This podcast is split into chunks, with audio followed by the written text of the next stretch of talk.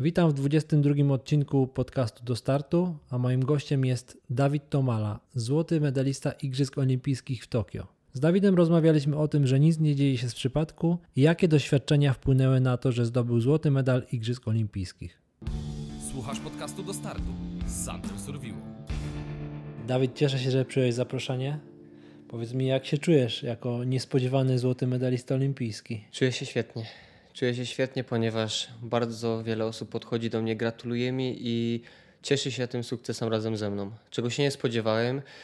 Jak wiele osób oglądało i śledziło naprawdę moje poczynania w, w Sapporo, ponieważ wiadomo, trwa to długo, ale myślę, że jeżeli ktoś zaczął i widział, że gdzieś tam w tej czołówce cały czas jestem, to już później nie mógł, nie chciał przestać tak naprawdę. I, I to jest wspaniałe, że mogę się tym cieszyć z innymi.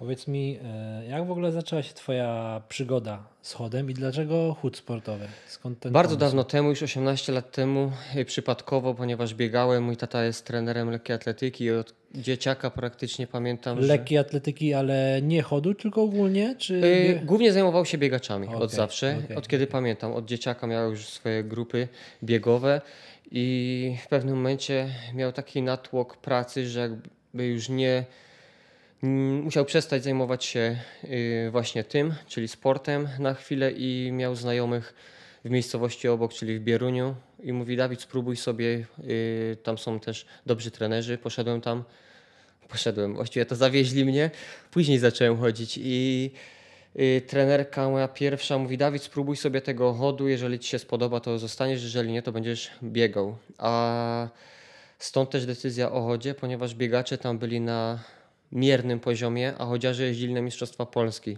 A Mistrzostwa Polski były dla mnie wtedy szczytem marzeń jako dzieciak.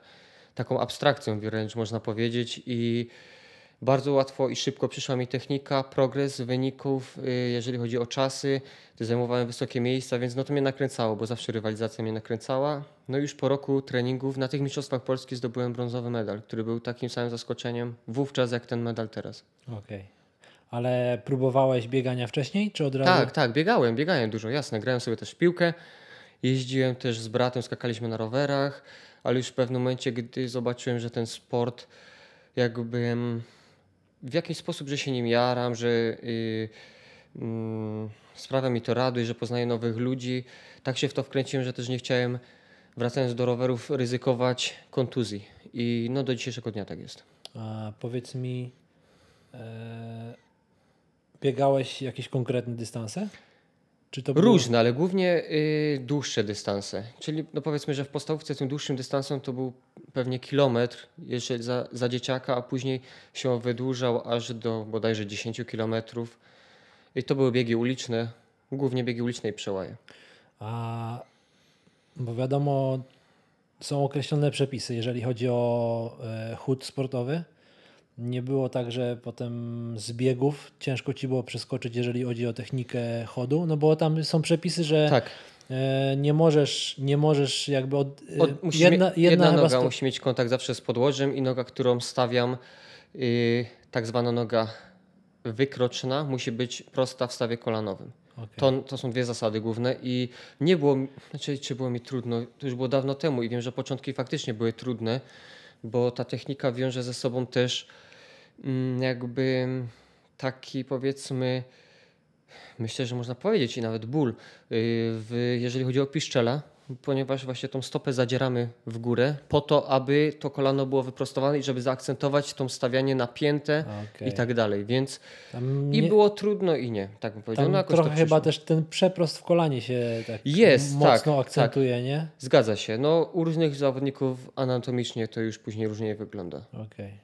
A takie są kontuzje związane z chodem konkretne? Uważam, że chód ogólnie sportowy jest bardzo mało kontuzjogenny. Yy, Jeżeli wszystkie tak naprawdę kontuzje biorą się z tego, że my robimy bardzo duży kilometraż tygodniowy, tak jak maratończycy, więc ym, przeciążeniowe, jakieś dolegliwości, a tak typowo o, mogę też mit obalić od razu, jeżeli chodzi o biodra, które tak, tak się o to chciałem poruszają. też zapytać. Tak, Tak, i wszyscy się śmieją, no ale wykręcicie pupciami.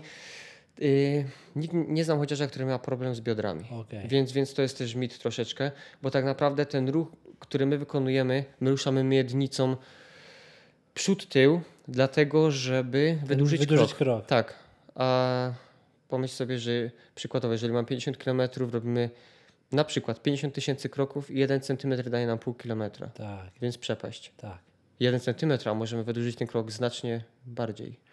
Powiedz mi, swego czasu, jeszcze za czasów Roberta Korzeniowskiego, były przypadki, że był nawet chyba na ostatnich metrach. W Barcelonie, tak jest, Dokładnie. przed samym, przed samym Z wejściem na czego to stadion. wynikało? Z, Ze złej techniki. Ale z, No bo wiadomo, tak. jeżeli, bo jeżeli tam chyba zawodnik chce kogoś wyprzedzić i emocje biorą górę, to tak, no ale u Roberta, gdzie tam. Nie było takiej sytuacji. Uważam też, że raz, że Robert wtedy, jeszcze w tamtych czasach, naprawdę można powiedzieć, że miał tą technikę, nazwijmy to dyskusyjną, a y, to był jeden problem, a drugi był problem taki, że wtedy Robert wyprzedził lokalnego, Hiszpana. lokalnego Hiszpana, no i niestety y, ktoś podjął taką decyzję. Uważam mega nie fair, bo mm, jeżeli ktoś pokonuje taki dystans, to nagle mu ta technika jakimś cudem się nie psuje, prawda? To, A- to jest jedno i jeszcze drugie, gdyby walczyli Tak, bark w bark, to rozumiem, że emocje chce tam, tak mówisz, o te kilka centymetrów krok wydłużyć, przyspieszyć, no to jest Zdecydowanie wtedy nie? bym, wtedy bym to też zrozumiał, ale takie coś to już jest takie typowo dla mnie chamskie zachowanie i no ja też się z tym nie zgadzam i no, strasznie mi się to nie podobało wówczas i w sumie do dzisiaj uważam, że to było nie fair. Taki sport, nie? W sensie, że... Taki sport, ale też jeżeli siedzisz w tym sporcie, to widzisz, czy ktoś ma dobrą czy złą technikę i sędziowie też to widzą, a patrząc na te igrzyska i to, że na 50 km zdyskwalifikowano zaledwie dwóch zawodników, to pokazuje też, jak wszyscy już zwracają uwagę na tą technikę i naprawdę przywiązują do tego dużą wagę. A tam jest tak, że e, dostajesz ostrzeżenie? Tak. Żółta, czerwona kartka, czy dwa Dostaję- ostrzeżenia? Jak to wygląda? Tak, dostaję przede wszystkim, że. Dobra, dostaję trzy kartki. Mogę dostać i trzecia kartka to jest w tym momencie pit stop. Kiedyś tego nie było. Czyli A, na 20, rozumiem. na 20 km 2 minuty, na 50 km 5 minut. A, okej. I jeżeli dostajesz 5 minut na 50, to czasami po prostu. No to już jesteś praktycznie wykluczony z No zawodów. tak, no ty wygrałeś z drugim o 30 sekund? O 30 coś tam sekund, no. No. nie pamiętam. Czasami może dzielić pierwszego i 30 zawodnika 5 minut. Okej. Więc to jest, no to jest przepaść, ale teoretycznie możesz ruszyć dalej i no czwarta w tym momencie kartka cię dyskwalifikuje. Ale ważne jest też to, że nie może jeden sędzia ci pokazać tego, tylko od trzech różnych musisz te ostrzeżenia dostać, żeby to miało sens po prostu. I mało tego, główny sędzia o tym decyduje, czyli jakby czwarta osoba. A, okej. Czyli bardziej sprawiedliwie Tak, dzisiaj. więc nie jest to przypadek na pewno. Okej. A ja jest, powiem Ci też ciekawostkę, że na tych igrzyskach byłem jedynym zawodnikiem, który nie dostał ostrzeżenia nawet. O, Więc technika jest dobra. Jest okej. jest dobra, ale może być jeszcze dużo lepsza. tak? bo cały czas nad tym pracuję i w tym roku zacząłem pracę super panią fizjoterapeutką, która popatrzyła troszeczkę na mój ruch globalnie i zawsze miałem bardzo dobrą technikę. Nigdy nie miałem problemów z ostrzeżeniami i tak dalej, ale to jest za mało i musieliśmy poprawić jakby cały ruch od dużego palca u stopy po czubek głowy. Okej. Wszystko. I dalej nad tym będę pracować. Już do końca życia będę musiał nad tym O, pracować okej. sportowego. Okej, ale to jest fizjoterapeutka związana z lekkoatletyką, Zupełnie chodem? nic. Nie. Zupełnie nic. Jest to super Czyli przeanalizowała twój ruch? Tak, prze, y, przeanalizowała mój ruch i dalej analizuję, ponieważ ja z każdego treningu robię filmy, sam to analizuję, przesyłam jej i uważam, że to jest super. W ogóle osoba, która, tak mówisz, no nie miała nic wspólnego z lekką, a jednocześnie ona na to patrzy typowo fizjologicznie, jak to ma powinno wyglądać, no i jak widać sprawdziło się to na złoto. Okej, czyli robiłeś już e, ćwiczenia, techniki, ćwiczenia, które ona przed, już przed olimpiadą Tak, zapracowałeś? tak, już myślę, że co najmniej pół roku, a może i więcej, nie A, pamiętam dokładnie okej. No i bardzo dużo tych ćwiczeń Myślisz, było. że to złoto w dużej mierze e, jest efektem tej pracy, czy Uważam, co, co że... się złożyło na, te, na to złoto? Że Na to złoto, co się złożyło? Przede wszystkim trening, który wykonałem przed. to był i- pierwszy taki rok, który, gdzie wykonałeś taką pracę, czy to, Nie, były, rok czy to wcześniej- była powtarzalność? Wiesz co? Rok wcześniej w ogóle podjąłem decyzję o tym, że będę startował 50 km. Czyli 2020 przed, yy, przed Tokio, które miało być w tamtym roku, czyli przed Tak. Igrzyskami. Wyobraź sobie, że na 5 dni przed startem dowiaduję się, kiedy mam robić minimum, że odwołują zawody. Pandemia. Później odwołują kolejne zawody, później Międzynarodowa Federacja zamyka nam cały sezon i nie ma żadnych zawodów w tym roku. No i automatycznie przeniosło się to na kolejny rok, co też uważam było dla mnie bardzo znaczące, ponieważ miałem więcej czasu na to, żeby się zaadoptować Większy do tego. luz, nie było stresu też, nie? No wiesz, stres był, bo jakby Znaczy, ja mówię- ja, ja no. miałem jedną szansę tylko, żeby zrobić to A, minimum. okej, rozumiem. Więc to jest mało, naprawdę. No, to, Bo albo się uda, albo się nie uda. I, I co dalej? Ta technika, o której już wspomniałem, bardzo dużo mi pomogła w tym, żeby podczas samego właśnie tego chodu sportowego na dystansie czy na treningach mieć dużo więcej luzu, swobody i zdecydowanie właśnie ten krok, o którym, od którego zacząłem, bardzo uważam, wydłużyłem i jednocześnie poczułem taki luz, który wpłynął na to, że, że to zadziałało. Wprowadziłem sobie też ćwiczenia takie, nazwijmy to troszeczkę medytacji, troszeczkę ćwiczeń z oddechem. I, I co jeszcze? No, cały czas praca z fizjoterapeutą. Y, moim trenerem jest mój tata teraz, już, znaczy teraz, już od wielu lat. I nasza współpraca też się super układa, bo wcześniej pracowałem z trenerami i jakby oni coś mi narzucali i nie patrzyli na w ogóle na moje samopoczucie, a my nie, jesteśmy nie było dialogu. nie było dialogu, a teraz jest to bardziej na zasadzie współpracy i mówię, że źle się czuję. Czasami nawet mówię, że dobra, zrobię to, a tata mówi, nie, odpuść to, bo to nic ci nie da. Super. To, no, więc... y, Czyli to jest jakby taki tajnik chyba to, że jest Wiesz dialog, co, no wiele jest... rzeczy tego było. No, ja też na igrzyskach mama mi uszyła torby, które nosiłem, z Właśnie których... Chciałem cię o to też zapytać, bo tam wię- więcej zawodników miała te takie... Ice paki nazwijmy No, to. no. Tak, to są, no, musieliśmy się jakoś chłodzić, było tam bardzo ciepło i wilgotno, a nauczeni doświadczeniami z Doha sprzed dwóch lat, gdzie było 40 stopni, po prostu padaliśmy tam jak muchy. Mistrzowie olimpijscy po prostu rezygnowali, powiedzieli, że nie chcą tracić zdrowia. Ja wtedy ukończyłem gdzieś daleko, nie wiem na którym miejscu nawet, ale zrobiłem no mega słaby czas i po prostu to była jakby dla nas katorga i uważam, że organizatorzy tam zrobili dla nas no, no coś strasznego wręcz można powiedzieć, bo no my tam balansowaliśmy na skraju, wiesz, takiego wycieńczenia, przegrzania, no ale może to też, na pewno to było po coś, bo teraz mieliśmy doświadczenie i torby, które dostawałem, w nich miałem wodę zawsze, izotonik, mm, od czasu do czasu żel, który, którym W uzupełniałem tej energię. torbie, ale mówisz już na olimpiadzie. Tak, A to jest tak, że bo y, w triatlonach czy w kolarstwie są tylko określone strefy, gdzie możesz wziąć... Następna rzecz, którą też trzeba powiedzieć. My startujemy 50 km i to jest zawsze na pętli dwukilometrowej. Więc my co. dla 25 te- kółek. 25 kółek, dlatego że przede wszystkim sędziowie stoją co 100 metrów. Pomyśl sobie, no jak jeżeli by to było na, tak jak maraton 20 km, to nie by musieli za nami jeździć, albo by tych sędziów musiało być setki, więc z tego względu, no i co 2 km też, dlatego mamy punkt odżywczy, w którym możemy to odbierać. A, to spoko, czyli co, co Tak. chwilę tam... Uważam, że to jest pod tym względem super, że mamy właśnie możliwość dostarczania tej energii, wody czy czegokolwiek tak naprawdę. Mm, Żele masz swoje, swoje sprawdzone, czy... Tak. Czyli nie ma tak, że musisz brać żele od organizatorów? Nie, na szczęście nie. No jeżeli by tak było, to No kiepsko, Mógłby bo każdy ma swoje, tak? zgadza się.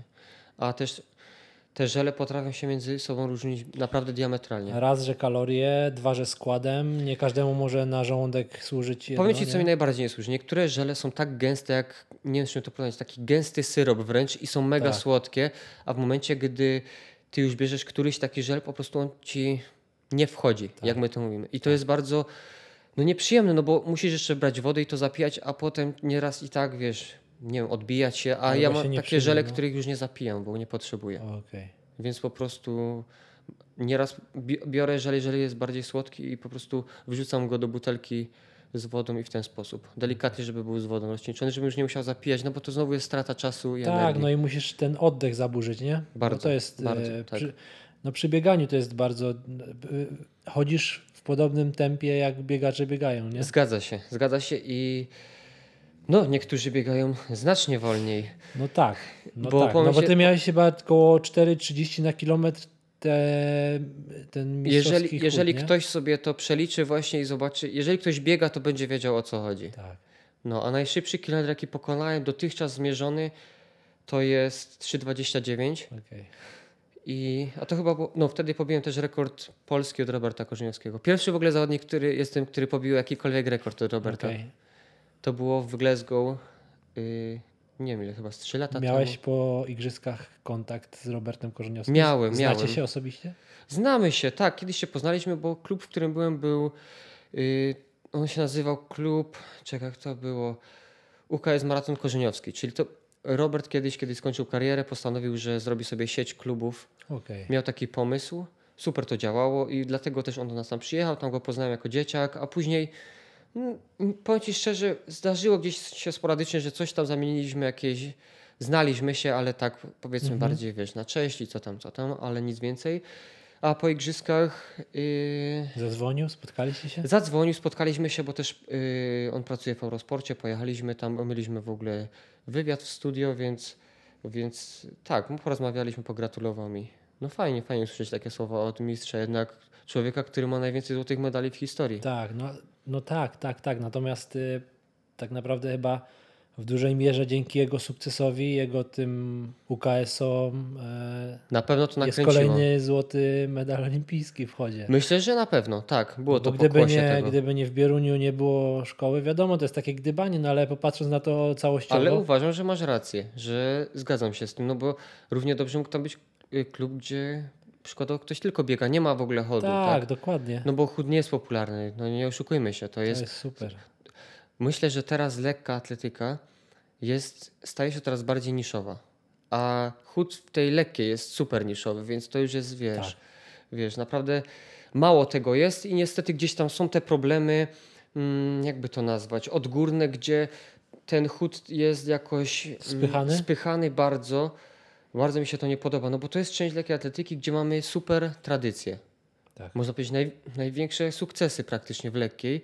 No ale gdzieś to komuś się chyba nie do końca podoba. Jest tak trochę, no bo z, drugiej, z jednej strony można e, rzeczywiście inne dyscypliny, nie wiem z czego to wynika. Tu e, pokazuje się, e, łatwo jest pokazać, bo jest na stadionie, natomiast chód, Ale wiesz co, ja, my też walczymy, ja walczę już wiele lat o to, żeby, patrz, jest na przykład meeting, tutaj był y, przez płot Kamili Skolimowskiej. Super duży meeting, jest na nim ponad 30 tysięcy ludzi. i nie było chodu. I nie ma chodu. Ja mówię, dlaczego nie ma? Nie, Przecież możemy zrobić na stadionie 3 km.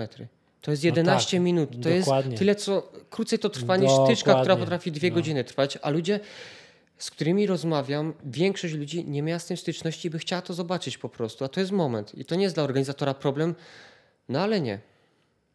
Mam nadzieję, że to się zmieni. Może my- twoja w tym rola.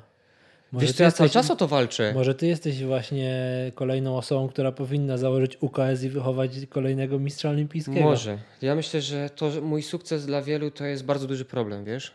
Problem? Problem. Aha, że... y, Że można było to już zepchnąć zupełnie, Okej, ale nagle- tutaj nie. okej. A tutaj jest inaczej się dzieje i to powróciło. Ale myślę, że sobie podziałamy i, i będzie spoko Myślę, że nic nie dzieje się bez przyczyny. O, ja też tak uważam. I jeszcze super jest to, że Międzynarodowa Federacja, czyli World Athletics, wprowadza nam w przyszłym sezonie cykl takich challenge'y właśnie w chodzie. Nam, y, jeżeli chodzi o wieloboje oraz o biegi przełajowe, które to były właśnie dyscypliny, które były gdzieś Tak, tam. bo bieg przełajowy no to rzeczywiście rzadko jest pokazywany. A powiedz mi, jak na przykład na tych diamentowych ligach jest chód? Ja właśnie w tym Glasgow byłem na finale Diamentowej Ligi, bo Okej. mnie zaprosił kolega z Wielkiej Brytanii, który tam pobijał rekord świata. Mhm. I on chciał po prostu też mieć zawodników, którzy wiesz, no będą go tam raz, że gdzieś tam, wiesz, to przy rywalizacji to jest coś innego. Na treningu nie da się zrobić tego, Wiem. co możesz zrobić na zawodach. To jest taka adrenalina, Tak. ktoś cię napiera. No my mieliśmy kilometr pierwszy, 3, właśnie dlatego, tam miałem ten zmierzony, 3,29 i wyobraź sobie, że ja na, go odepchnąłem, bo on był przede mną, bo ja byłem tak cię. rozpędzony, wiesz. Hamował mnie, ale ja już potem nie wytrzymałem, bo to był bardzo specyficzny sezon też dla mnie i brakło mi troszeczkę wytrzymałości na końcu, wiesz. I może treningów też, bo wtedy bardzo dużo pracowałem po prostu i wtedy był dla mnie sport. Ja się śmieję, że to jest moje hobby, bo ja muszę zapracować na to, żeby trenować zawodowo, więc Okej. to trudno było Bo też to nazwać łączyłeś, sportem zawodowym. łączyłeś pracę ze sportem wtedy.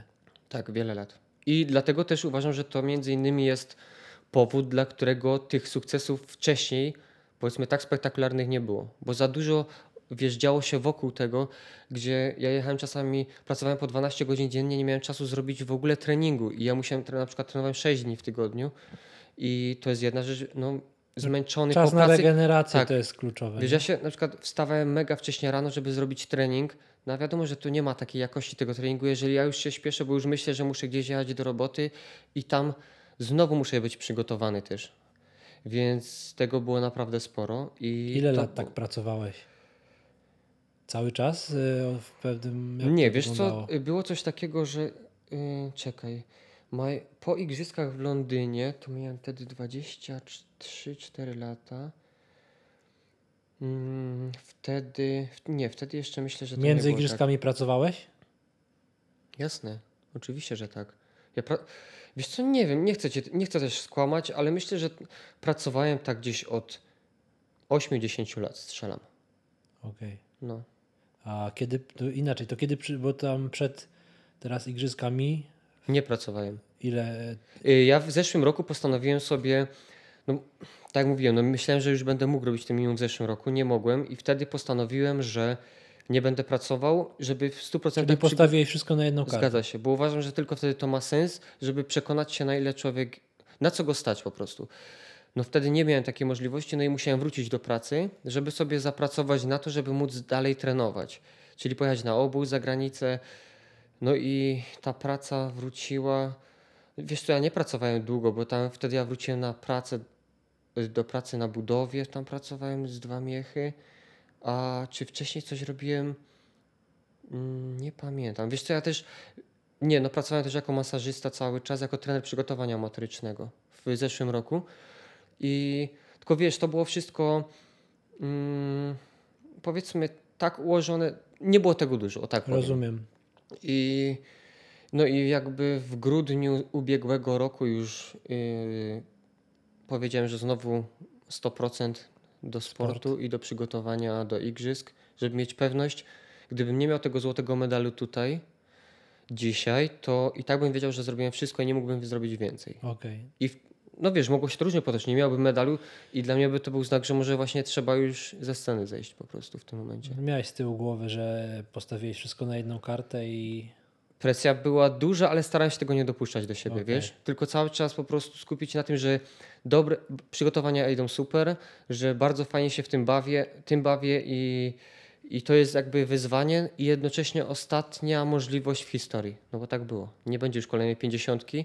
To było, jak powiedział Paweł Fajdek, już zostaje wiecznym mistrzem, bo już nikt mi tego medalu nie Tak. będzie kolejnego mistrza na Tak, to dystansie, więc, więc to jest coś fajnego i miałem to cały dystans sobie to powtarzałem na 50 km, czyli 3,50 i 8 sekund. Że to jest mój dzień, że mm, nie będzie drugiej takiej szansy i trzeba to wykorzystać.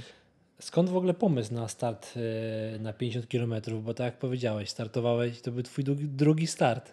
Pierwsze był- były eliminacje, tak? Pierwsze były eliminacje Mistrzostwa Polski na 50 km, które wygrałem też i też ostatni złoty medal na Mistrzostwach Polski. I teraz drugi start i też złoty, A skąd w ogóle pomysł, żeby startować na igrzyskach e, na 50 km? ponieważ 20 km startowałem już wiele razy i w pewnym momencie już poczułem coś takiego, że nie robię tam progresu i mówię, no coś mnie blokuje, nie wiem co, może to była głowa, może to było coś innego i potrzebuję nowego bodźca i tym bodźcem było właśnie 50 Czyli km. możliwe, że jesteś stworzony do takich długich dystansów po prostu. No tak, bardzo, bardzo możliwe. w ten sposób. Bardzo możliwe, ale też, no wiesz, ja wyg- wygrałem Mistrzostwa Europy Młodzieżowe do 23 lat na 20 km, więc to był znak, że ja zawsze słyszałem z tego, że jestem bardzo szybki. Bo wiesz, tak jak mówię, też że pobiłem rekord na 3000 metrów, więc to jest jakby, widzisz, tu jest 3000 metrów, a tu jest 50 km, Tak. więc to jest zupełnie dwa różne bieguny i teraz kolejnym dystansem będzie 35, więc w teorii to powinien być w ogóle już złoty środek dla mnie, ale wiem, że będzie tam bardzo szybko, że to będzie bliżej 20 i zobaczymy jak się odnajdę, zresztą jak wszyscy się odnajdą, bo to będzie coś, czego próbowało na razie niewielu, bo nie było tych startów za bardzo. Czyli generalnie jak, e, jak cały czas trenujesz przez tyle lat, to jeżeli pod względem finansowym, to można powiedzieć, że Bida straszna. Bida niesamowita. No jeżeli ja bym to miał robić dla pieniędzy, to już bym musiał skończyć dawno, dawno temu. Okej, No. okej. Czyli żadnej Wiesz co, pomocy. u nas jest coś takiego, że Mimo, że miałeś sukcesy tak naprawdę, no miałeś ten medal Mistrzostw Europy, tak? zgadza się, ale Potem Mistrzostwa Polski. nie lgną Okej. do lekkiej, a dochodu już też. Czy za chyba bardziej do... Bo mi się wydaje, że w lekkiej chyba są sponsorzy, czy nie? Czy to są tylko od konkretnych zawodników? Konkretnych zawodników. Okej.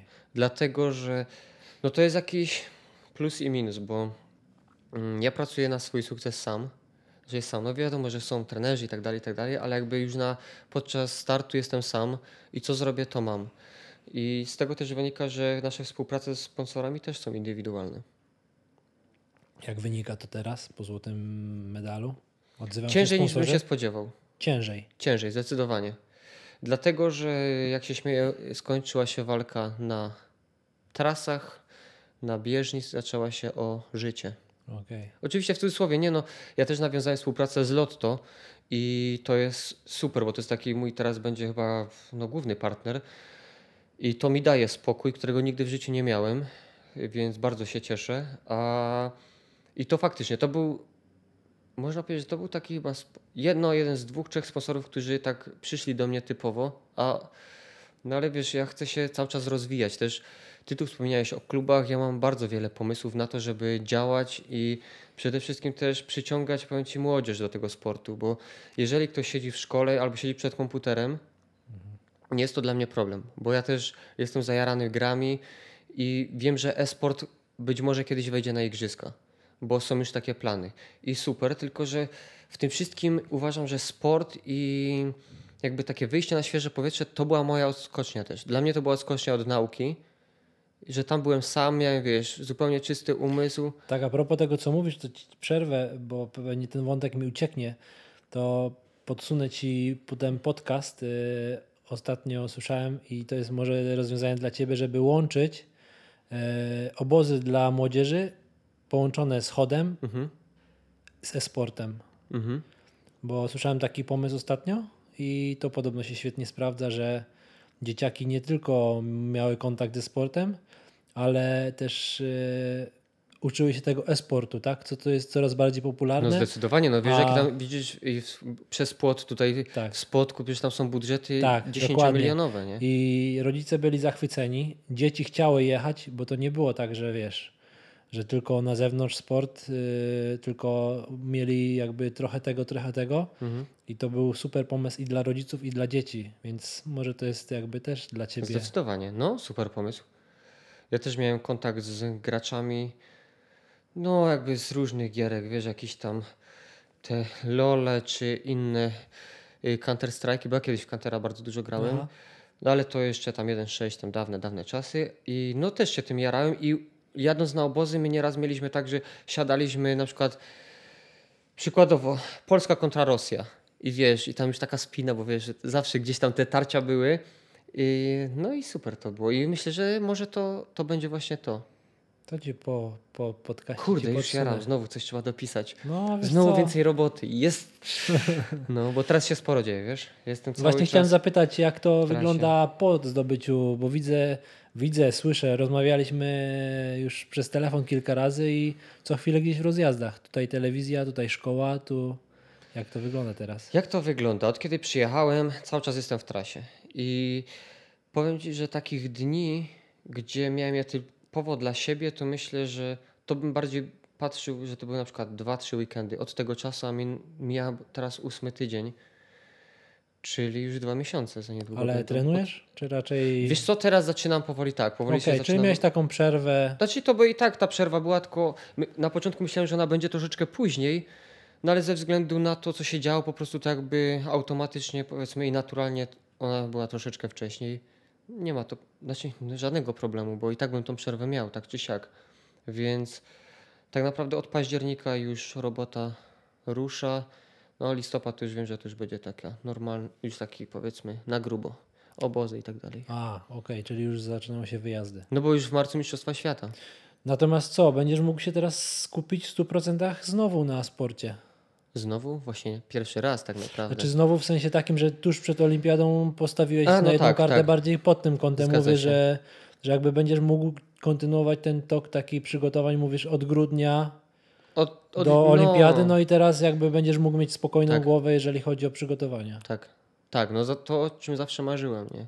I nie będzie tak, że yy, tak było teraz przed igrzyskami, że co się stanie, jeżeli nic się tam nie wydarzy, bo wtedy to wiesz, to naprawdę by się moje życie mogło zmienić zupełnie i nie wiem, czy... Znaczy myślę, że byłbym przy sporcie zawsze, bo no, to jest jakby całe moje życie, ale różnie by mogło być. Mhm.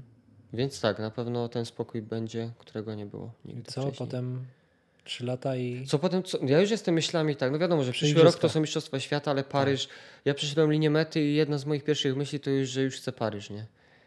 Że no strasznie jestem na to nakręcony, a kolejne igrzyska po Paryżu to jest Los Angeles, więc znowu marzenie można spełnić tak jak to było z Tokio, bo kiedy usłyszałem, że będą igrzyska w Tokio, od dzieciaka chciałem tam pojechać, wiesz, jeszcze w ogóle ten drift, mówię, kurde, spotkam tam, to będzie coś pięknego. Nie wyszedłem z hotelu nawet. Okej. Wszystko przez okno, tylko autobusu, samolotu czy Ale nie hotelu. wolno wam było wyjść? z hotelu. Okej. Więc ja tam oglądałem świat przez okno. okej. 22 godziny. Na dobę, wyobraź sobie, że jesteś zamknięty. No jak w więzieniu. I my się śmialiśmy, że dwie godziny na trening to, że na spacerniak wychodzimy. Aha, czyli to było tak, że mogłeś poświęcić dwie godziny tylko i wyłącznie na dobę, żeby pójść na trening. Okej. No słabo. No tak mówisz, Ile, naprawdę ile tam więzieniu. siedzie, ile siedziałeś w Tokio? Dwa tygodnie. Dwa tygodnie. Nie, przepraszam, bo to jest ważne. Przed y, startem siedziałem około, ile to było? 8 dni byliśmy na takim obozie przygotowawczym w Taichung. Jakoś tak się nazywa. I tam powiedzmy, to było w górach, nie było tam w ogóle ludzi i tam gdzieś mogliśmy sobie pospacerować. I Wy tak- to znaczy mówisz kadra lekko My to mówię kadra lekkoatletów, zgadza się. Więc tam powiedzmy mieliśmy troszeczkę swobody, tylko że tam było, jakbyś pojechał, nie wiem, w Bieszczady i nie było tam nic totalnie. Tylko no po góry jakieś tam, ale ogólnie fajnie, fajnie. Tam było jakieś jeszcze takie to znośne. Później pojechaliśmy do Sapporo, bo mieliśmy w Sapporo start z tego względu, że organizator wyszedł z założenia, patrząc na prognozy, że tam będzie 5-6 stopni chłodniej Mhm. W tym czasie. A wyobraź sobie, że w dniu naszego startu w Sapporo było 1 stopień cieplej niż w Tokio. No i byliśmy, i już w tym Sapporo właśnie byliśmy zamknięci, tam byliśmy też z tydzień czasu. A w tych górach ile byliście? No też koło, chyba 8 dni. Okej. Koło 8 dni, później pojechaliśmy do Sapporo, tam byliśmy zamknięci w więzieniu i no co jest jeszcze ciekawostką, bo tego się nie mówi ogólnie, na przykład szliśmy na stołówkę i nie ma jedzenia. Wyobraź sobie na igrzyskach. Nie No. ma po prostu jedzenia, bo wyjedli. I Wow. coś tam musiałeś sobie szukać. Przychodzimy, nie ma mięsa, nie ma nic, nie? I co? Zapychasz ryżem, nie? O rany. No. No, także jest dużo takich rzeczy, teraz nie potrafię sobie przypomnieć wszystkiego, ale takich ciekawostek jest wiele. A w samym Tokio i wiosce olimpijskiej ja spędziłem mniej niż 12 godzin. Okej. Więc nie jestem w stanie też powiedzieć czegoś więcej. Oprócz tego, że tam się czuło tą swobodę, której u nas w ogóle nie było. Bo tam jednak mogłeś wyjść na tą, po tej wiosce pochodzić, tak jak zostało wspomniane, jeździli tam chłopaki, dziewczyny na deskorolkach, kręcili filmiki, a my nie mogliśmy wyjść nigdzie. A to było tak, że byliście w sensie wychodziarze, czy ktoś jeszcze Chociaż i maratończycy. Okej. Czyli bo- to były takie dwie grupy, które... Wytrzymałość, aby wytrzymałość miała uwięzione. lepiej i chłodniej. Yy, Patrząc na A, doświadczenia z okej. Doha, tak jak wspomniałem sprzed dwóch lat. Okej. Żeby to się nie powtórzyło. No troszkę tak. No aż tak to się nie powtórzyło, no bo tam nie było 40 stopni, No ale tak. było ciężko. Okej, okej. No. No to co, dobra, zrobiłeś trening? Może dlatego, że tak tyle się regenerowałeś. Wiem, ja też się śmieję, mówię, bo jakby mnie puścili, ja bym poszedł gdzieś w Melo na miasto, to by się to mogło inaczej skończyć. Naprawdę, no. Bo, tak jak wspomnieliśmy, nic się nie dzieje bez powodu. No tak, ale powiedz co, w hotelu gry, książki... Wiesz co, w hotelu Miałeś jakąś konsolę, bo mówisz o grach komputerowych? Nie. W ogóle następna ciekawostka. Y, Japonia nam się kojarzy, że tam jest technologicznie po prostu totalny kosmos, że nie wiem, telewizor się suwa, wychodzi ze ściany. Przychodzimy do pokoju, mamy telewizor wielkości y, laptopa, który trzymasz na kolanach i siedzimy z kolegą i tak patrzymy, taki monitorek. Po prostu no niesamowite to było. Że jeszcze Czyli się nuda, śmialiśmy- nuda, dobrze, jeszcze raz nuda. Dobrze, że nie czarno-biały, wiesz. Nie no, mieliśmy tam internet, to wiesz.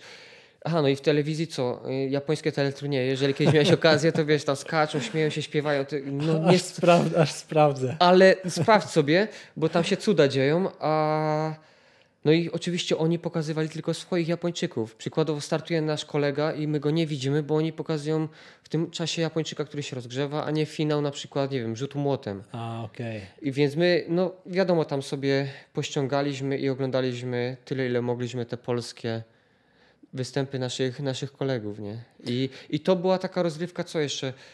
Książka, yy, piosenka, oglądanie jakichś filmów. No To co? No to, to tak naprawdę jakbyś był w pandemii i miał takie totalne restrykcje, że nie możesz... No tak, ktoś jest na przykład, yy, jak to się mówi, że ktoś jest zamknięty, jak ma...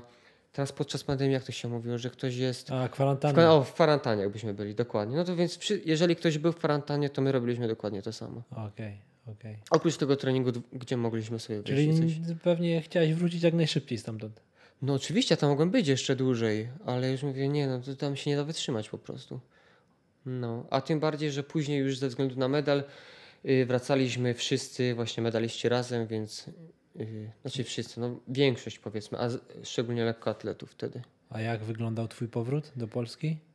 No tak ci mówię, do piątej rano posiedzieliśmy sobie, nacieszyliśmy się. Przede wszystkim mieliśmy okazję się spotkać pierwszy raz, wiesz, bo tak jak mówię, no my tam byliśmy gdzieś 600 km na północ i posiedzieliśmy, pogadaliśmy. y, Piąta rano wylot, powrót do Polski, no i w Polsce super przywitanie na lotnisku.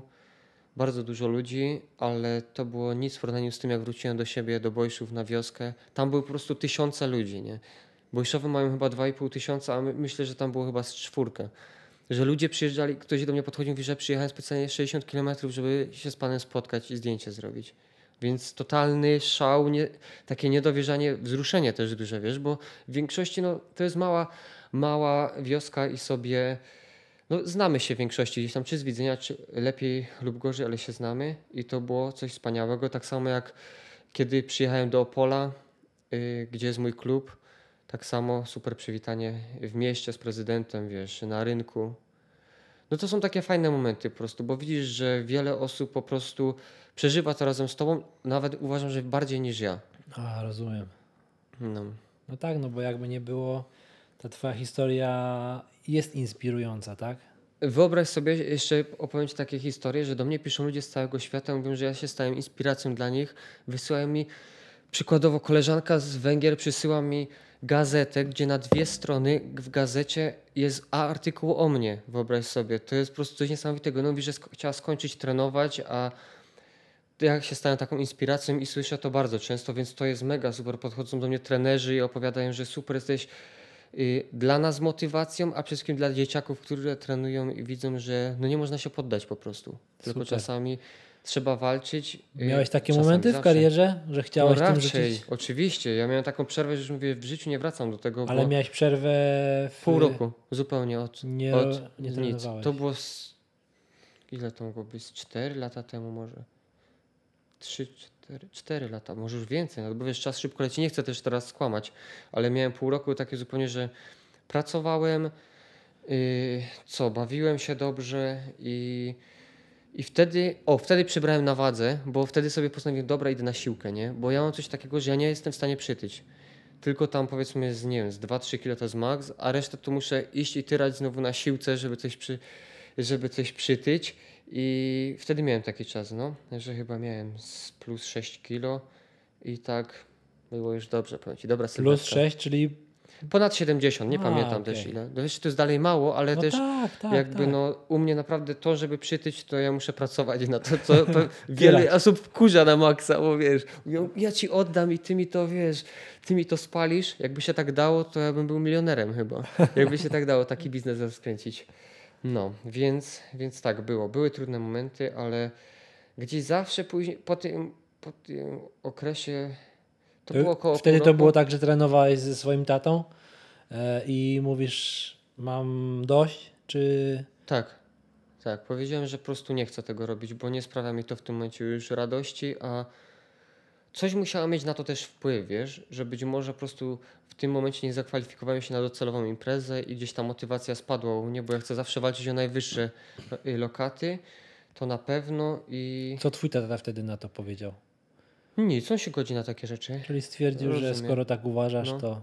Wiesz co, no nie ma co się kopać z koniem i gdzieś czegoś na siłę robić, Jasne, nie? tylko wiesz, zawsze to jest, wiesz, yy, próbowanie przekonać, yy, że wiesz, dużo pracy wykonałeś, całe życie w to włożyłeś. Wiesz, Wiesz co, czasami... był taki moment właśnie po powiedzmy tam, nie wiem, 4-5 miesiącach, że mówi, wiesz co, no jest kolejny sezon, może trzeba się zastanowić, czy, czy by nie wrócić i nie porobić czegoś. I wtedy faktycznie tak było. Ale w tym okresie to nie było takiego czegoś.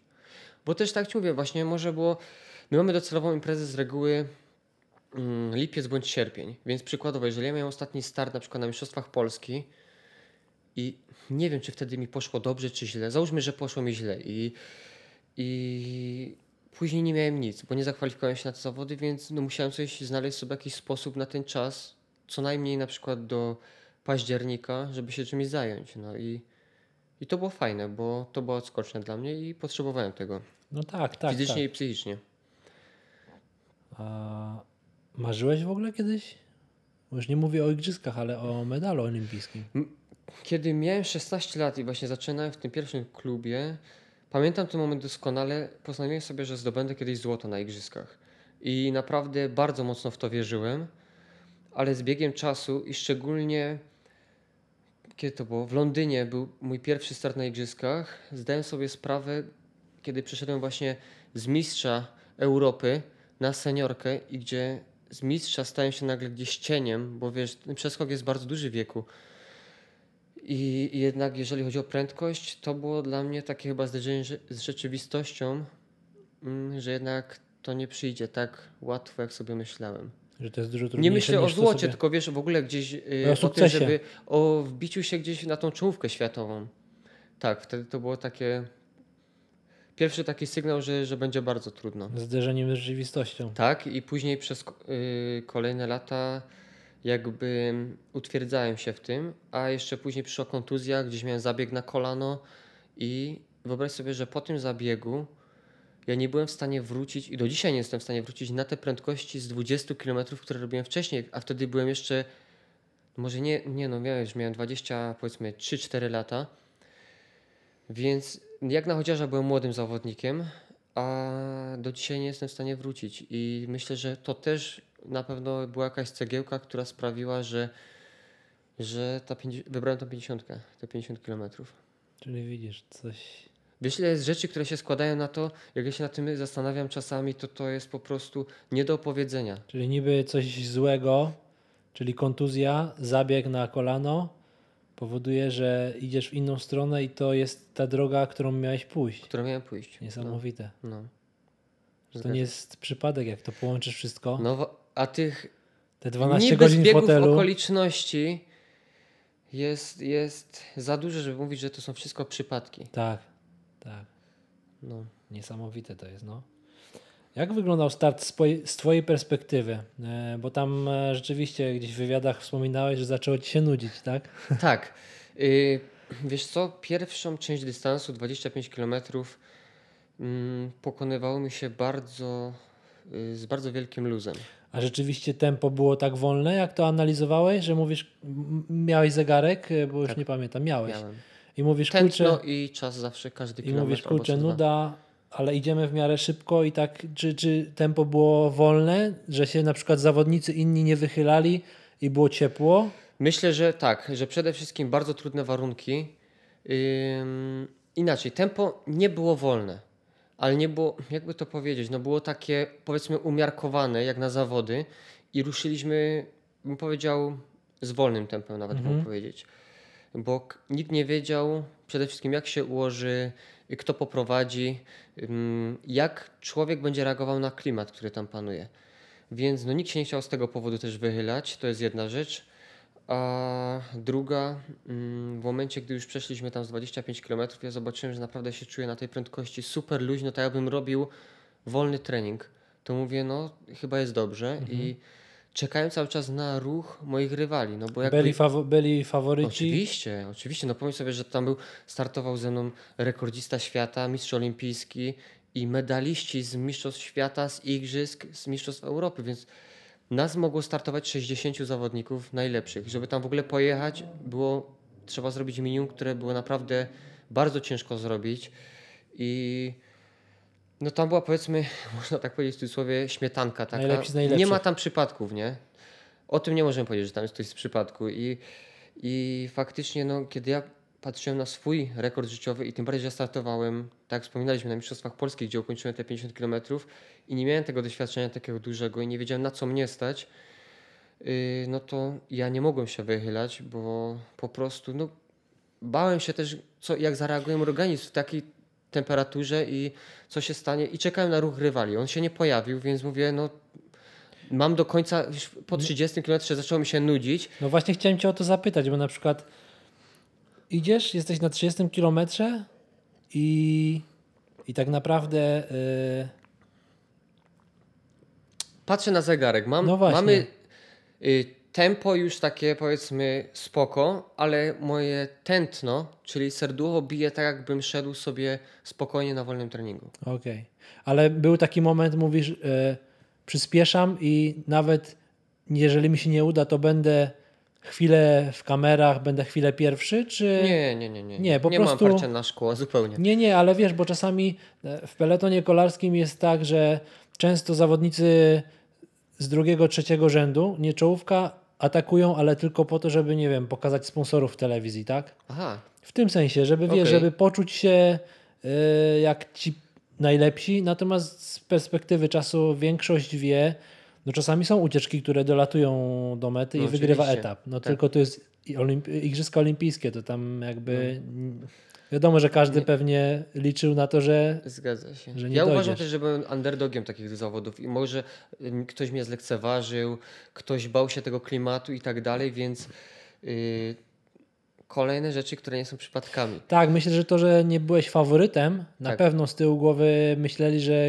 w końcu spuchniesz, zwolnisz. Faworytem, i... ja tam można powiedzieć, że byłem jakimś leszczakiem, który sobie przyjechał i próbuje, wiesz, pięćdziesiątkę ukończyć drugi raz, więc no kto mnie mógł tam brać na poważnie?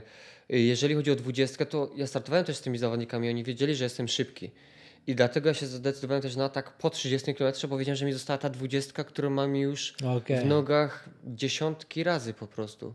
I Czyli możliwe, że ta twoja szybkość z dwudziestki przełożyła się na tą dwudziestkę pewno. Na- po trzydziestce. Na pewno. na tej, pewno, w tym na e, pewno, tak. olimpijskim chodzie. Tak, no bo ja wyobraź sobie, że miałem momenty, kiedy ja szedłem takim tempem, które było szybsze niż rekord świata. Super. Wiesz, że ja to miałem na przykład kilometr po 4,11, najszybszy kilometr miałem, z tego co mi ktoś powiedział. I no to już jest na to już jest takie tempo, którym się pokonuje nieraz 20 kilometrów. Bo tak Więc teraz, jak, jak, tak teraz jak to, o tym mówisz i to tempo na 31 mogło być, że twój organizm potraktował to jako rozgrzewkę. Zgadza się. I też y, koledzy moi starsi, których się pytałem przede wszystkim, którzy mieli już tych 50 też w nogach trochę, oni mówią, wiesz co Dawid, zawody się tak naprawdę zaczynają po 30-35 kilometrze. I bardzo sobie to wziąłem do serca. Okej. I postanowiłem, że zaatakuję wtedy. No i ja miałem na przykład taki moment, że idę i ja czuję, że już mam bardzo dużą przewagę nad rywalami. To było dwie minuty, w pewnym momencie już ponad trzy. Były, I ja tak, mówię, było, no, był taki i, moment. I sobie myślę, no super mi się idzie na mega lajcie takim, z bardzo dużą prędkością. I mówię, ja się zacząłem bać, że ja tego nie wytrzymam po prostu. Właśnie I, chciałem zapytać, gdzie, gdzie były twoje myśli, no bo jednak idziesz sam, nie ma rywali, dużo ja się myśli. bałem tego tempa, z którym ja pokonuję ten dystans, a jednocześnie na jakim luzie ja to robię.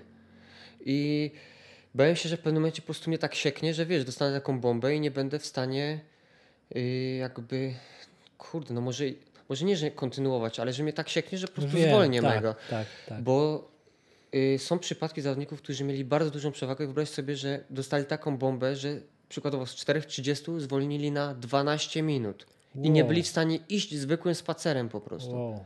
No, więc są takie sytuacje. Ja miałem taką sytuację w Doha, że ja się zatrzymywałem 10 razy chyba, bo ta temperatura była tak wysoka, że przy punkcie odżywczym polewałem się pięcioma butelkami, żeby się schłodzić, bo tam było tak gorąco. I tutaj było tak, że no super mi się szło i mówię, dobra, mam super przewagę, po co mam się jeszcze żył, Idę tak swoje. naprawdę żyłować i gdzieś tam swój organizm do granic możliwości zwalniam. Patrzę, kolejny kilometr jeszcze bardziej przyspieszyłem. Aha, okej. Wiesz, i to było naprawdę, nie wiem, takie jakieś flow, tak mnie to niosło wszystko. Kibiców było w ogóle tysiące, gdzie powiedziano mi, że nie będzie nikogo, a to było centrum Sapporo i ludzi było mega i wszyscy wiesz, że wołają ci tam, to mala je, coś tam i się cieszą. Super, super, to daje ci kopa i, i niesie. No ostatnie 3 kilometry, tam była moja bomba tak zwana, czyli tam już było naprawdę, poczułem, że mi odcina energię, O, mimo że okej. biorę izotoniki i biorę żele, nie wchodzi mi to zupełnie, że wciskam to w siebie na siłę. I, wiedzia, I wtedy już naprawdę zwolniłem. Wystraszyłeś się, że, to, że możesz do, nie, nie donieść? Wyniku? wystraszyłem się, wiedziałem jaką mam przewagę, więc to było gdzieś. Ja sobie też to cały czas kontrolowałem, gdzie są moi rywale na tablicy, ile mam przewagi, więc wiedziałem z jakim tempem muszę iść, żeby po prostu sobie to. Żeby dojść po prostu y, jako zwycięzca, ale było, był faktycznie gdzieś było coś z tyłu głowy, że może się to nie udać, a też pojawił się bardzo duży ból w nodze i bałem się, że to spowoduje, że sędziowie zaczną mnie kartkować. A, A tak naprawdę to był ból, gdzie no był on fizyczny i gdzieś w głowie był ten strach, a patrząc później na, te, na tą końcówkę, widziałem, że ta technika, no i sędziowie też, wiesz, nie dostają ostrzeżenia, więc to było bardziej gdzieś takie, że może coś być nie tak, ale było w porządku, jeżeli chodzi o technikę, nie? Ale ból mi już towarzyszył. Raz, że widzisz, odcina mi energię, dwa, boli i wtedy jest po prostu bardzo, bardzo ciężko, że było, ostatni kilometr naprawdę było bardzo ciężko. a, Zapłaciłem za tą szarżę. no tak, a był taki moment, że wiedziałeś, że ten medal już jest twój? Który to był moment? Kiedy przekraczałem linię mety. Dopiero. Dopiero. Dopiero, no dobra, powiedzmy, że kiedy może wziąłem flagę chwilę przed tym, ale...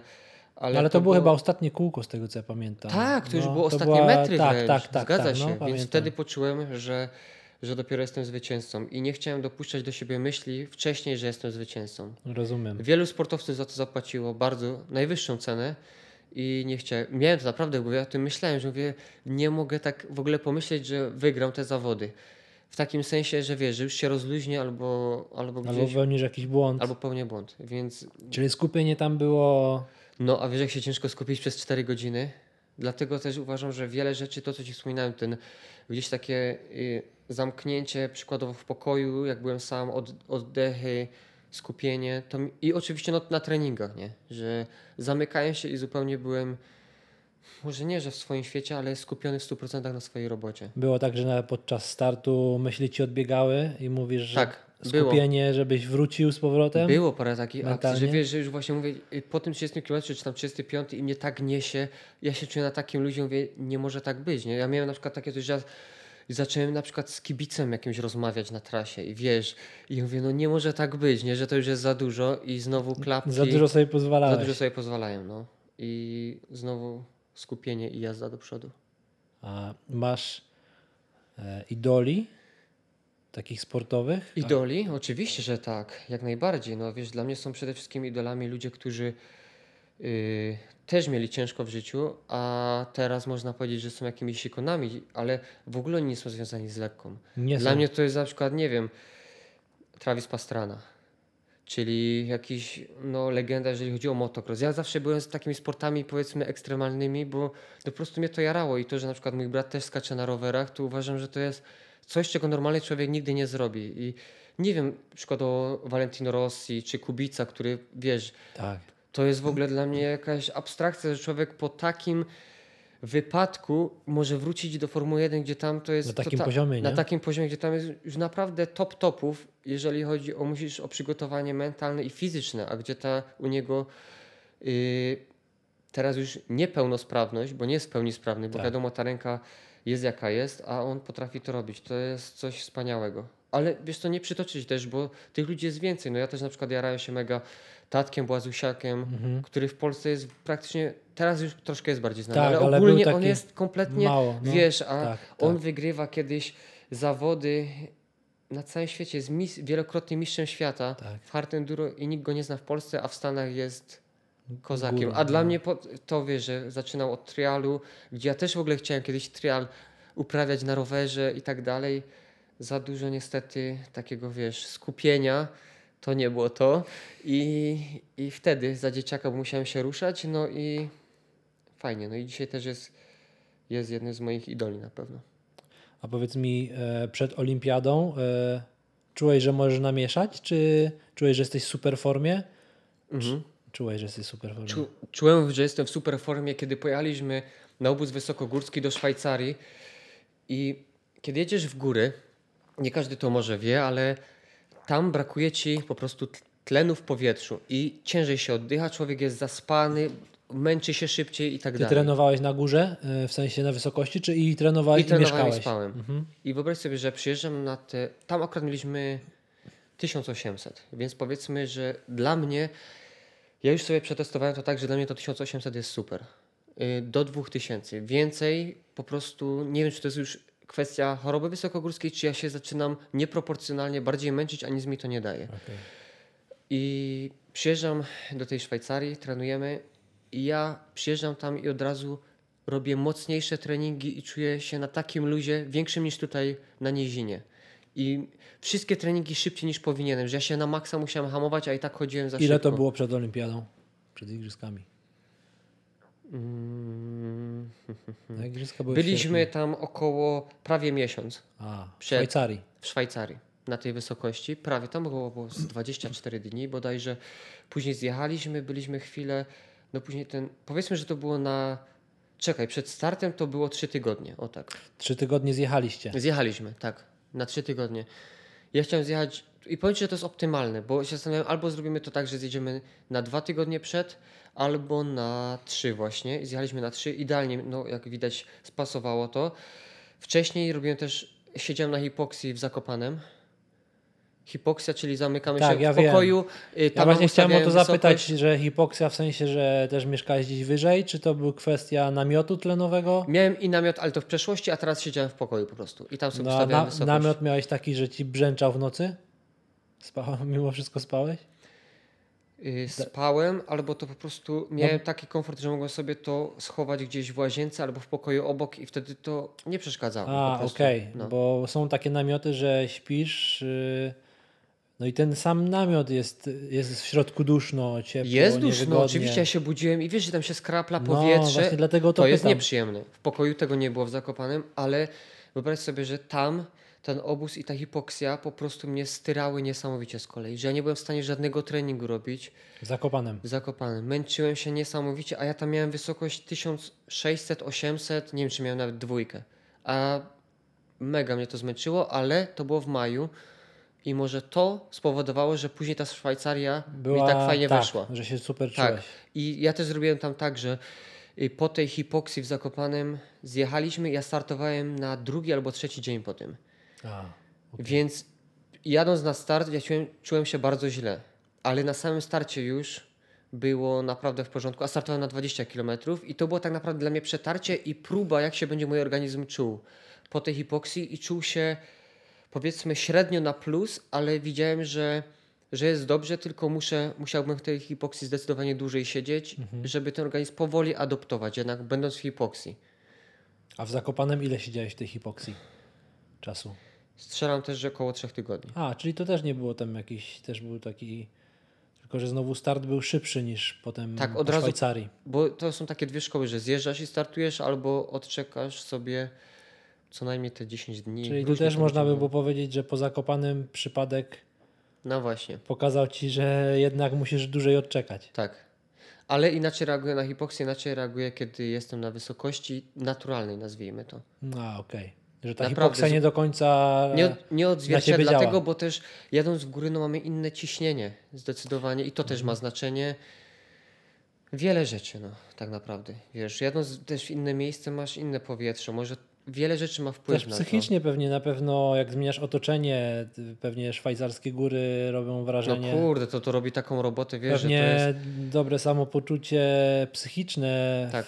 jak jesteś w Szwajcarii w górach, Zdecydowanie. a lepsze niż Zakopanem, gdzie Mhm. byłeś już pewnie setki razy, nie? Byłem w tym roku w Zakopanym pierwszy raz w życiu na obozie. Tak? Wiesz Okej. dlaczego? Bo nie ma tam dla nas tras. A, I okej. dlatego to jest problem i musimy wszędzie dojeżdżać, żeby znaleźć chociaż kawałek powiedzmy takiej spokojnej i w miarę płaskiej trasy, bo my jednak trenujemy w miarę po płaskim. No a tak to jeździliśmy tam do Doliny Hochołowskiej. No ale to trzeba już dojechać z pół godzinki, więc przepraszam. No to jest Pojechałem tam głównie, jest to problematyczne, a głównie pojechałem tam właśnie, żeby zbadać, jak mój organizm będzie reagował na hipoksję. Czyli wcześniej, nie- a robiłeś wcześniej, Wcześniej byłem, miałem namiot, A, okej. ale miałem bardzo złych doradców i ten namiot mnie zniszczył po prostu, bo ktoś mi powiedział, wskakuj od razu na taką i taką wysokość, a to tak nie działa niestety. A tym bardziej, że widzę, na co ja reaguję dobrze, a powyżej czego już męczę się, a nic mi to nie daje. Nie? I nie buduję krwi, tylko ją wręcz niszczy. No bo nam chodzi o to, żeby tej podbić ten hematokryt, Tak. hemoglobinę, żeby transportować tlen, prawda? I, I tak dalej, więc y, no, ja już wiem, jak to robić na swoim organizmie. To jest jak u mnie to działa, doświadczenie. Każdy musi to sam gdzieś też przetestować. No nie tylko to, wiesz, wszystko, odżywki i tak dalej. Ja ogólnie bardzo mało stosuję odżywek, powiem ci. Izotonik, Ale masz jakieś, masz jakieś konkretne swoje, takie sprawdzone, Chodzi ci, że o, jakąś izotonik, no, no, no.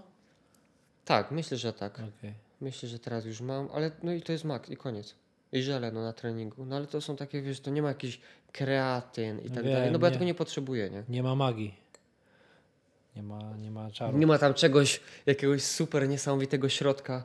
No tylko wiadomo, jakieś tam, oprócz jakiegoś EPO, hormon wzrostu.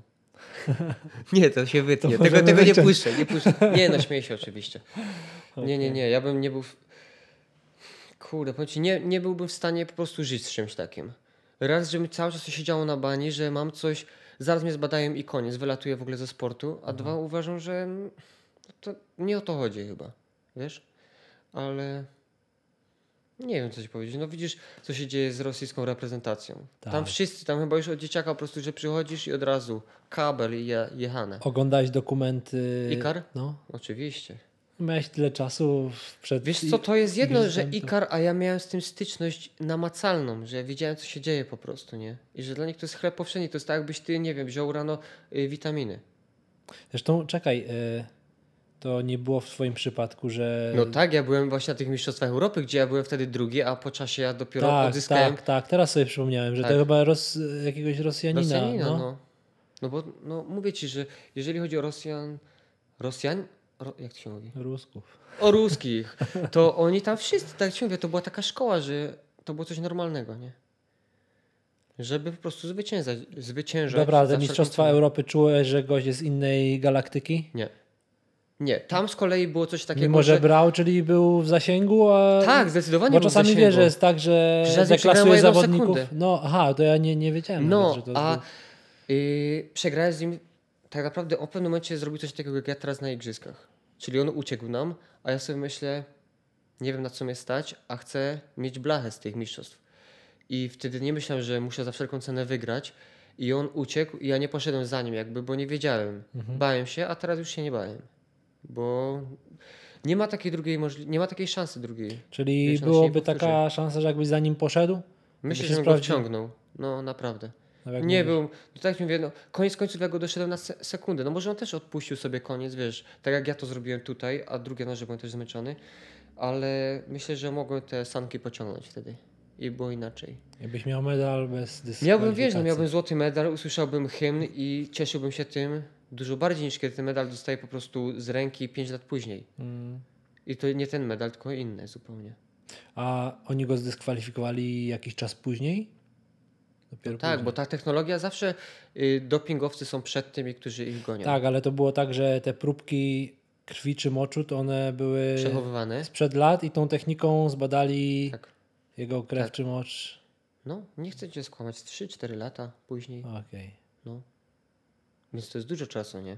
bardzo dużo. A uwierz mi, że czasami to, że wygrywasz albo jesteś drugi, potrafi też bardzo dużo zmienić. Wiesz co, myślę, że to kwestia psychiki, nie? Ale patrz, Wiary w mówimy, siebie. Wiara w siebie. Druga rzecz, wspominaliśmy, sponsorzy. Jesteś drugi, Tak. a tu jesteś pierwszy, tak? A każdy chce pracować z najlepszym. I, i wiele innych rzeczy. Tak, Jeżeli no. chodzi o stypendium, ja dostałem na przykład połowę mniejsze stypendium, niż gdybym wygrał. A, I później nikt mi tego już nie zwrócił. napisz, że podanie może Napisałem, może powiedzieli, że, że powiedzieli, że nie. Nie. No, powiedzieli, bo wiesz dlaczego ja napisałem? Ja napisałem to podanie chyba w zeszłym roku, bo ktoś mi powiedział, że jest możliwość, że jeżeli ktoś właśnie odzyskał na przykład albo w ogóle zdobył medal, albo jakiś inny kolor, to może się ubiegać o to. Napisałem tylko dla seniorów. Reszta nas nie liczy. I mówię ci na każdym kroku po prostu pod górkę. Ja się śmieję, że im ciężej jest dla mnie, tym lepiej. Nawali śniegu, super. Najlepiej po kolana. Nie przeszkadza mi to. A masz uparty charakter? Czy raczej nie powiedziałbyś? Mam ciężki charakter, wiesz? Tak? Mam ciężki charakter, bo uważam zawsze, że mam rację, Okej. więc to może być. Nie, no śmieję się, nie aż tak, ale yy, staram się czasami też ludzi do czegoś przekonać, bo jeżeli uważam, że mam rację, a ktoś za wszelką cenę gdzieś nieraz brnie, popełnia jakieś błędy, gdzie ja już się nad, nauczyłem, bo też chodzi mi o innych sportowców, którzy są zawodowcami, ale oni mają też klapki na oczach nieraz i ja im chcę pomóc, ale oni chyba nie do końca chcą, albo też w danym momencie ja nie jestem dla nich autorytetem, tylko po prostu ktoś tam tam chodzi i tyle, wiesz. No a na przykład y, w relacjach z tatą trenerem ma z tobą ciężko, czy ty masz ciężko z nim, czy jest taka, znacie nie, się na uważam, tyle dobrze? Mamy, mamy super, ale są takie momenty, że jest bardzo ciężko. Yy, głównie z mojej strony, wiesz, bo na przykład coś mnie boli, nie idzie mi trening i wtedy po prostu musimy gdzieś tam się odciąć na chwilę, wiesz, i bo ja potrafię też powiedzieć coś bardzo takiego niemiłego, z czego nie jestem dumny, Mieszkasz ale, z rodzicami, czy yy, mieszkacie osobno? Wiesz co, jakby yy, tak, mieszkamy w jednym domu. No właśnie o to pytam, Tak. jak te relacje, wiesz, jednak jak masz ja ich trenera... nie widuję, wiesz, dlatego A, okej. ja się cieszę po prostu, że to Aha, jest tak, mo- moja rzeczywiście, bo obozy, No. tak, to prawda, rzeczywiście. Pomyśl sobie, że na przykład ja jestem na obozach, załóżmy, nie wiem, 250 dni w roku. To dlatego to jest dla mnie super moment, że my się możemy spotkać, usiąść rodziną I czy tam Wiem, nie chodzi o o rodziców, chodzi. tylko wiesz też gdzieś tam babcia, dziadek, wujkowie, kuzyni, bo mieszkamy od siebie też blisko. I fajnie, że tak jest po prostu. No a powiedz mi, jeżeli chodzi, jak jesteś na obozach, dostajesz plan treningowy przed obozem, czy dziennie konsultujecie i dziennie... Hmm? Dostaję przed obozem, a na bieżąco go doprecyzujemy i jeżeli jest jakaś moż- jakiś problem albo coś, no to go korygujemy po prostu. Czyli e, trening oparty jest o tętno, czas tętno, obciążenia. O tak, przede wszystkim. Yy, znaczy, dobra, no ja też muszę swoje kilometry wychodzić. Yy, tętno, czasy i o swoje progi przemian tlenowych, beztlenowych, na których bazujemy bardzo. Badania masz w laboratorium I tak, i też na bieżni. lekkoatletycznej. I co, to jest tak samo, że e, określone prędkości, Określone prędkości. pobierana krew, Tak. czyli no tak, tak. Tak, bo, normalnie. bo możesz zrobić tak. Ja lubię te badania właśnie na bieżni, bo uważam, że one są bardziej na bieżni realne. lekkoatletycznej, nie na bieżni w laboratorium.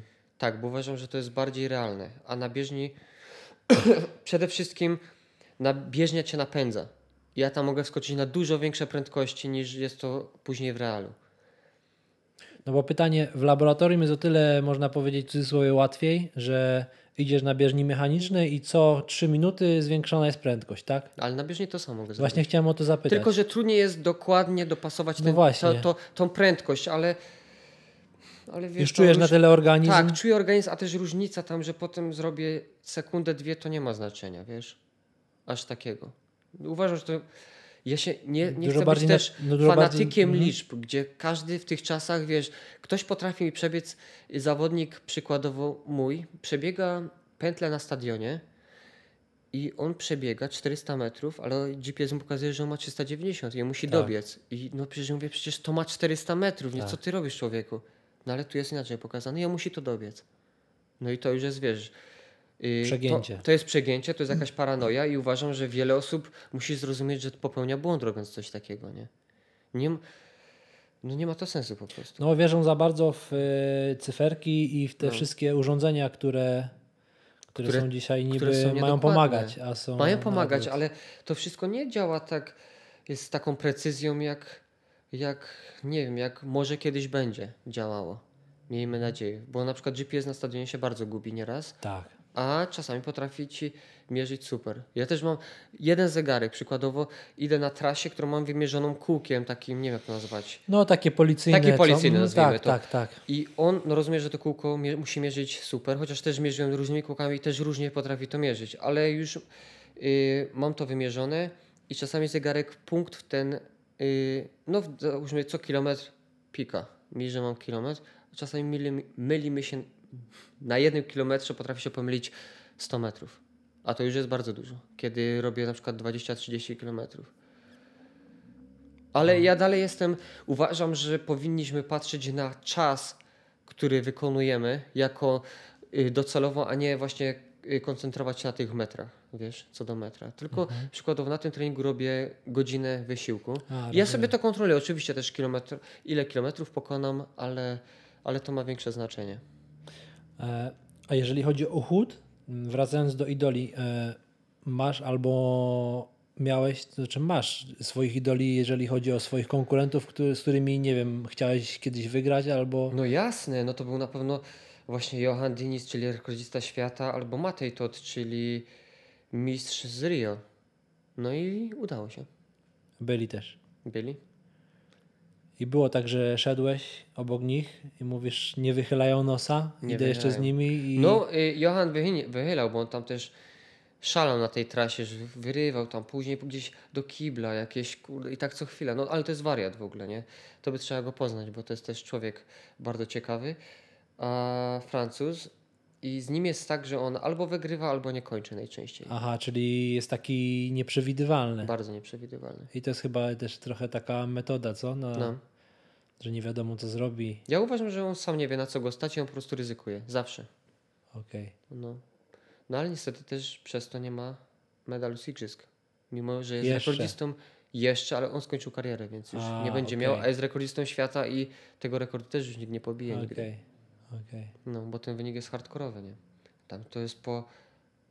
Pomyśl sobie, że tutaj ja miałem, każdy kilometr średnio mi wyszedł po 4,36, a on ma rekord świata po 4,15 każdy kilometr. Wow. No. Ale to też wiadomo, no on ma super... Ale też na 50? O kurczę. Więc ja startowałem z zawodnikiem i sobie, że on ma ode mnie czas lepszy od 18 minut. I idziesz z nim i... I idę z nim. No. Więc gdzie ja tam mam, wiesz, się wychylać przed takich zawodników, czy przed takiego Mateja Tota, który jest mistrzem i on ma 10 minut, albo więcej niż 10, on ma z 12 minut lepszy czas i ja mam z nimi wygrywać. No ale też dane miejsce, przykładowo on robił ten rekord i były z kolei idealne warunki, można powiedzieć. Super trasa, super chłodniutko, wiesz o co chodzi. I to u nas wytrzymałości odgrywa kluczowe znaczenie. Pracujesz z psychologiem? Chciałem, nie udało nam się przez bardzo długi czas się spotkać po prostu, bo gdzieś zawsze byliśmy w rozjazdach, a teraz już nie, potrzebuję. Tak. Uważam, że już wiem, czego, czego ja sam dla siebie potrzebuję, co mam wypracować. Być może wróci ten temat, nie wiem, bo tego nigdy nie wykluczam, bo uważam, że to jest jakaś wisienka na torcie zawsze. Yy, przygotowanie takie mentalne, ale na razie nie czuję potrzeby, żeby, żeby po prostu Czyli taką... chcia, chciałeś nie dlatego, że czułeś potrzebę, tylko wychodzi z założenia, że to coś może ci dać, coś może zmienić? Tak, tak, ale uważam, że mogło to też dołożyć pozytywną cegiełkę. Nie wiem, czy by tak było, bo może było na odwrót, ale właśnie to mierzenie się z tą codziennością i z tym, żeby wyrzucić te myśli z głowy, że co jak będzie, jak się nie uda, tu trzeba pracować, tu wiesz, trenować. Wiele tego jest po prostu. Żeby nie myśleć o tym, co będzie, jeżeli się nie uda przede wszystkim. Tylko no to jest ten moment, kiedy pracujesz na daną rzecz, a później Czyli co, yy, przychodziły takie myśli i twoją receptą było na to, żeby wyrzucić te myśli z głowy, robić swoje. robić swoje, tak. I tak jak wspomin... też w sumie pytałeś, czy ja się czułem mocny. Tak, czułem się po tym obozie w Szwajcarii bardzo mocny. I to mi dawało poczucie tego, że mogę znaleźć się w pierwszej ósemce y, na igrzyskach. Ale to był, yy, ta pierwsza ósemka to było jakby wynik obliczeń takich, To czy był to wynik, było tak- takie wynik- szacowanie trochę, że Szacowanie, szacowanie. racjonalne. Racjonalne, bardzo racjonalne, tak. Że y, Jakby po, takiej, po tym, co przerobiłem, po tym, ile teoretycznie mogę urwać z tego wyniku, który zrobiłem wcześniej tam w marcu na Mistrzostwach Polski, y, gdzie mogę znale- się znaleźć po prostu. No to ale... byłby sukces dla ciebie. Jakbyś był Tak, ósemce. oczywiście, oczywiście, że tak. Dlatego też mówię w ósemce, a nie w dziesiątce, bo yy, dla nas finał igrzysk to jest pierwsza ósemka. I jeżeli ty jesteś w pierwszej ósemce, dostajesz automatycznie stypendium z ministerstwa. Jesteś dziewiąty i już nie dostajesz nic. Czyli jesteś Czyli chciałeś zrobić skok na kasę.